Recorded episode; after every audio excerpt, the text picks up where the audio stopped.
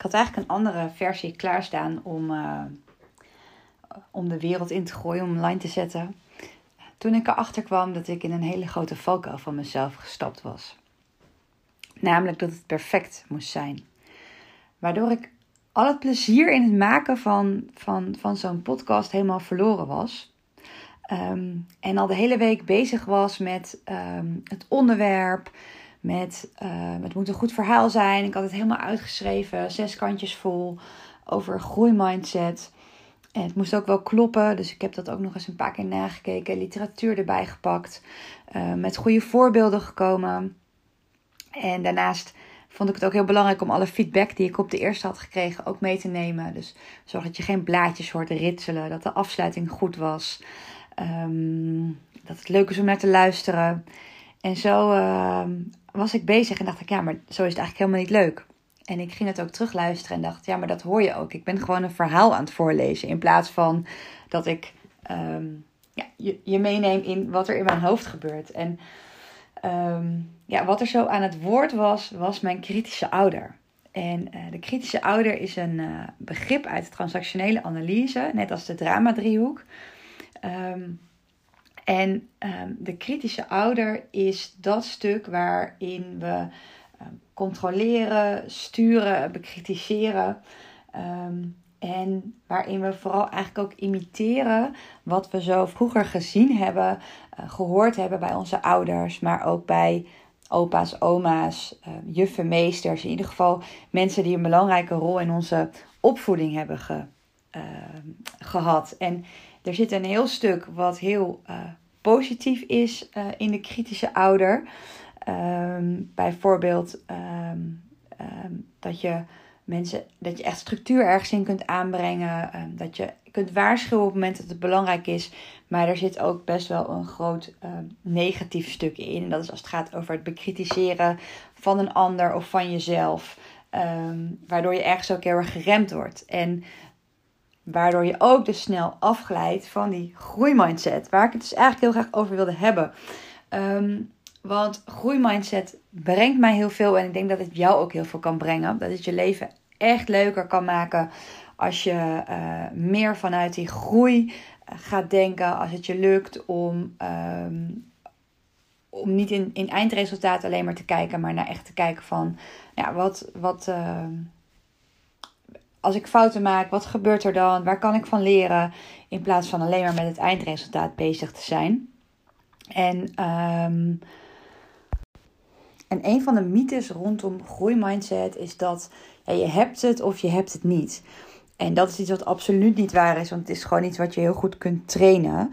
Um, en ook iets wat niet, het is niet zo dat als je daar nu mee bezig gaat en je hebt het gelezen, dat je dan voor once and for all een groeimindset hebt. Nee, dat is echt per situatie kan dat nog verschillen. En de ene dag lukt het je wel en de andere dag lukt het je niet. Uh, maar juist daar met een milde blik naar kijken en zien van hé, hey, wat zijn nou momenten waarop het wel lukt? Hoe komt dat? Wanneer lukt het niet? Hoe komt dat? Wat kan ik de volgende keer anders doen? Dat is juist een groeimindset. En een fixed mindset gaat heel erg over, ja, ik kan het of ik kan het niet. Ik hou het liefste vast aan wat ik weet. Dus ik ga ook niet experimenteren, maar ik, ik neem het pad wat ik al ken. Ik hou er niet van om feedback te ontvangen, want ja, dat gaat toch wel een beetje over dat het misschien niet goed is ik, vanuit een fixed mindset ben je ook snel geneigd als je gefrustreerd raakt om uh, te stoppen, om op te geven.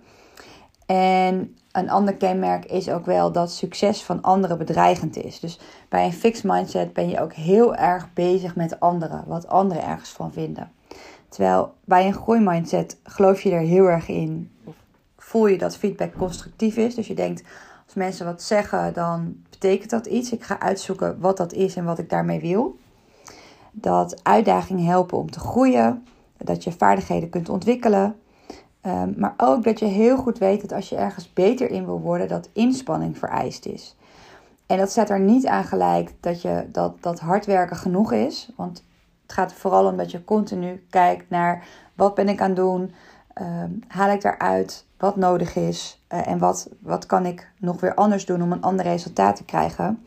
En je vindt het ook leuk om uh, te leren van het succes van anderen. Dus je gaat kijken van, nou, wat doen anderen nou wat ik nog niet doe en hoe kan ik dat doen om ook daar te komen waar iemand is.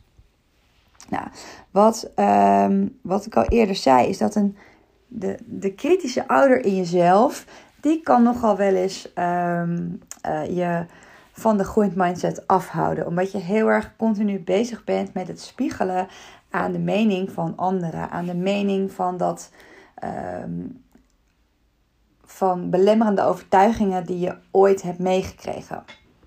En een manier om daar uh, in te groeien, om daar op een andere manier naar te kijken, is veel meer te focussen op het proces. En ehm, een mooi voorbeeld daarvan is uh, mijn dochter. Um, en ik doe dat in mijn eigen opvoeding ook echt lang, lang niet altijd goed. Ik ben ook best wel geneigd om vanuit die kritische ouder uh, dingen te zeggen of te roepen. Ook omdat het gewoon is wat, wat ik ken. Wat, ik, wat er heel erg voor in mijn hoofd dan zit. Um, maar ik ben daar bewust mee bezig en op veel momenten lukt het ook om het anders te doen. En een voorbeeld daarvan was uh, rond kerst had mijn oudste dochter Lotte een tekening gemaakt. En nou, ik was daar echt best wel van onder de indruk. Um, ze had een heel, uh, heel kerstplaatje geschetst met een, uh, met een kerstboom, met rendieren, met lichtjes, met vuurwerk, alles erop en eraan.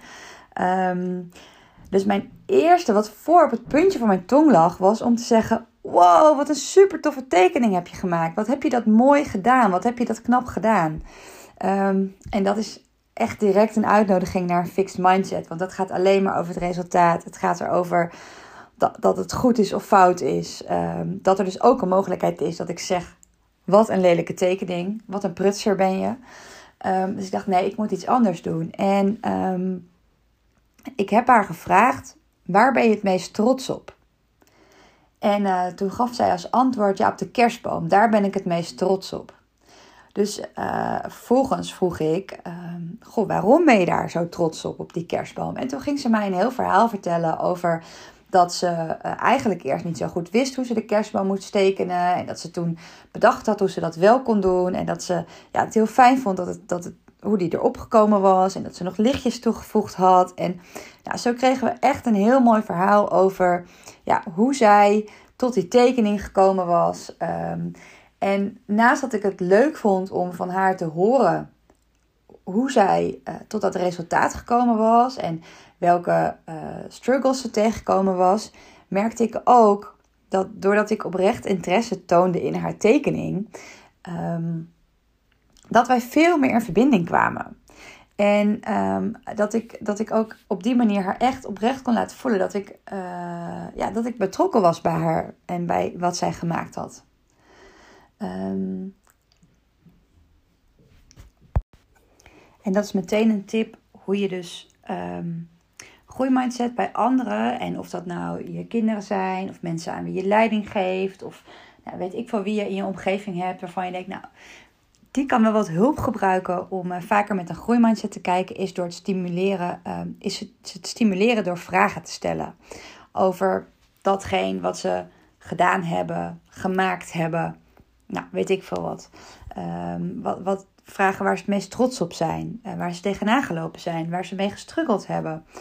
Wat ze de volgende keer anders zouden doen. Zo gaat het veel meer over um, wat iemand zelf gedaan heeft uh, in plaats van alleen te kijken naar het eindresultaat en wat jij daar als ander van vindt.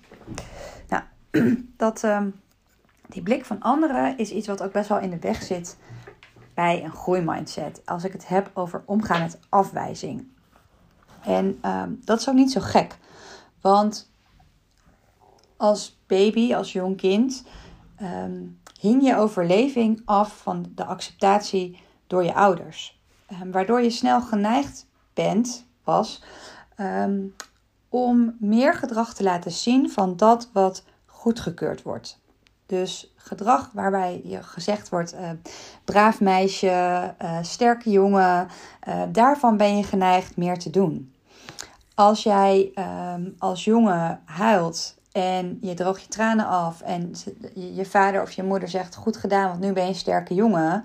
Ja, dan zal elke keer als dat gezegd wordt, um, uh, zul je geneigd zijn om minder snel je gevoelens en je emoties te tonen. En zo gaat het met alles. Als meisje ben je misschien eerder uh, geneigd om braaf te zijn, om goed te luisteren, omdat dat ook gedrag is wat snel beloond wordt. Um, en um, zo staan we onszelf vaak ook niet toe om grootste dingen te doen, om uh, out of the box te denken, om risico te nemen, uh, omdat je ergens diep van binnen nog steeds bang bent voor afwijzing. Ons brein is zo gebouwd dat we goedkeuring bij anderen zoeken. Want erbij horen is veilig. En voor kleuterjuffen is dat hartstikke fijn. Want daardoor passen de meeste vierjarigen die starten in groep 1 zich snel aan uh, bij de geldende normen in de klas. Maar hierdoor doen we dus ook vaak dingen niet. En dat is gewoon super zonde. Um, en je blijft gewoon elke keer dingen doen waar je de meeste, het minste risico mee loopt. Um, en dat is zonde. En hoe zouden we het nou anders kunnen doen? Nou, door veel meer waarde te hechten aan wat we zelf ergens van vinden en dat te oefenen. Um, nou, wat kan je dan doen? Door echt meer bij jezelf in te checken en zelf te kijken van wat denk je nou dat je goed gedaan hebt? Wat denk je dat beter kan?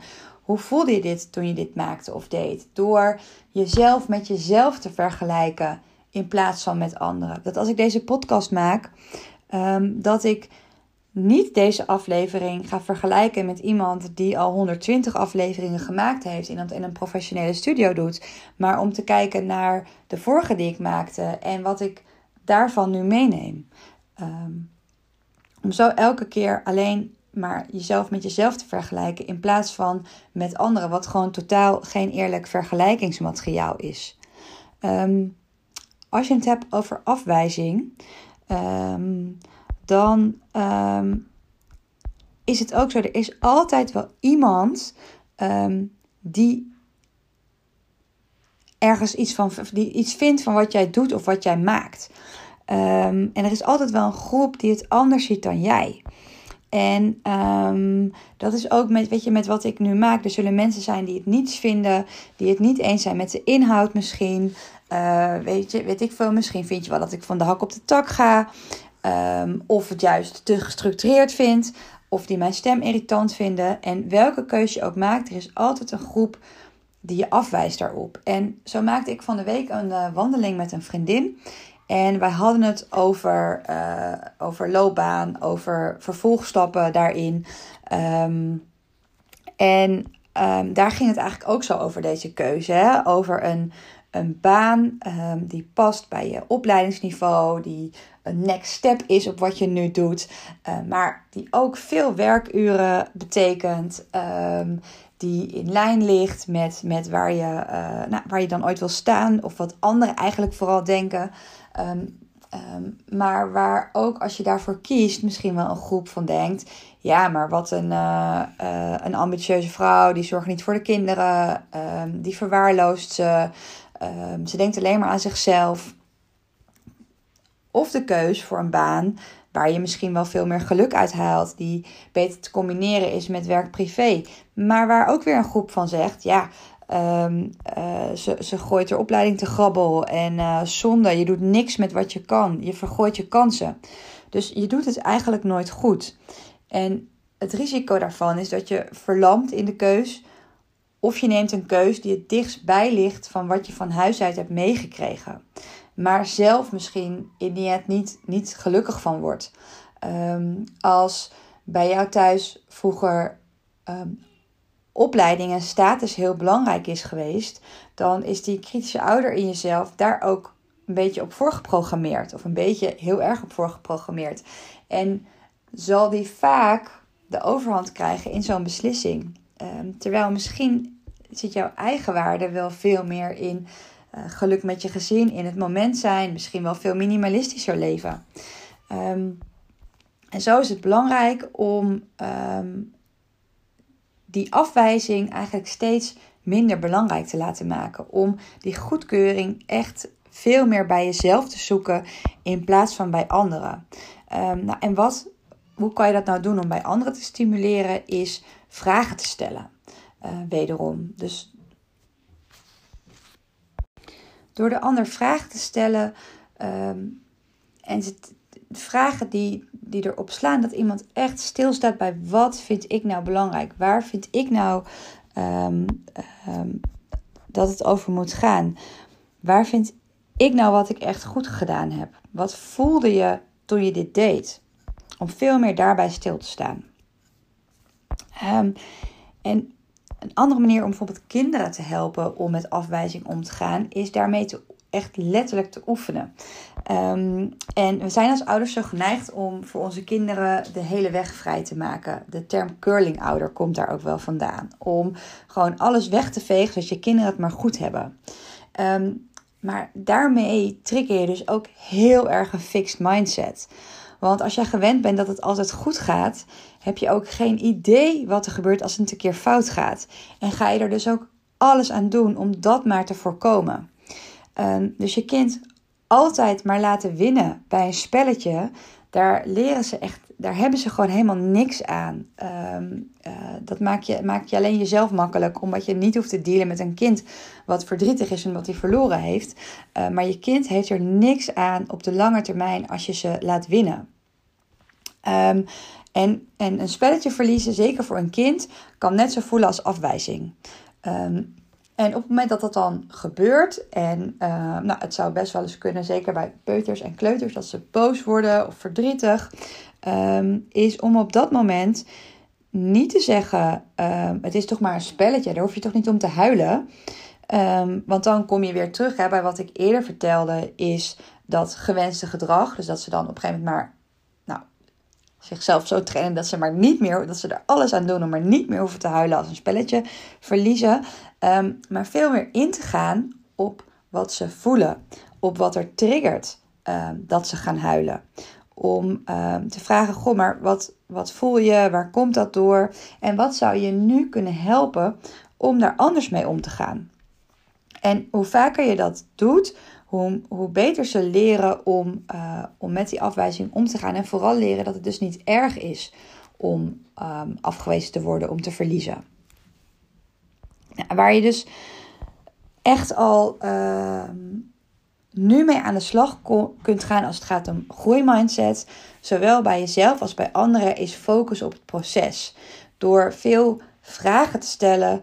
Um, door um, niet te kijken naar het eindresultaat en daar vooral geen oordeel op te geven bij anderen of bij jezelf. Het is niet goed of het is niet fout, maar veel meer in te gaan op. Maar waar gaat het dan over? Waar ben je trots op? Um, en ik ben wel benieuwd. Wat zijn nou situaties waarin het jou lukte om echt met een groeimindset te kijken? En wat zijn situaties die voor jou lastig zijn? Wat triggert, wat, triggert voor jou uh, groeimindset? En op welke momenten zou uh, een groeimindset voor jou echt het verschil kunnen maken? Dus daar bedoel ik mee, ehm, wat zijn nu dingen die je misschien niet doet, die je uit de weg gaat, um, of die je wel doet, maar misschien een beetje met de rem erop. Waarbij als jij veel meer vanuit die groeimindset zou kunnen werken, zou kunnen denken, um, wat gaat er dan leven? nou, dit was het voor nu. Zijn er nog andere onderwerpen waar jij graag meer zou over willen horen? Laat het mij weten. Uh, je kunt me vinden op LinkedIn of op Instagram. Ik vind het super dat je geluisterd hebt en ik wens je een hele mooie dag.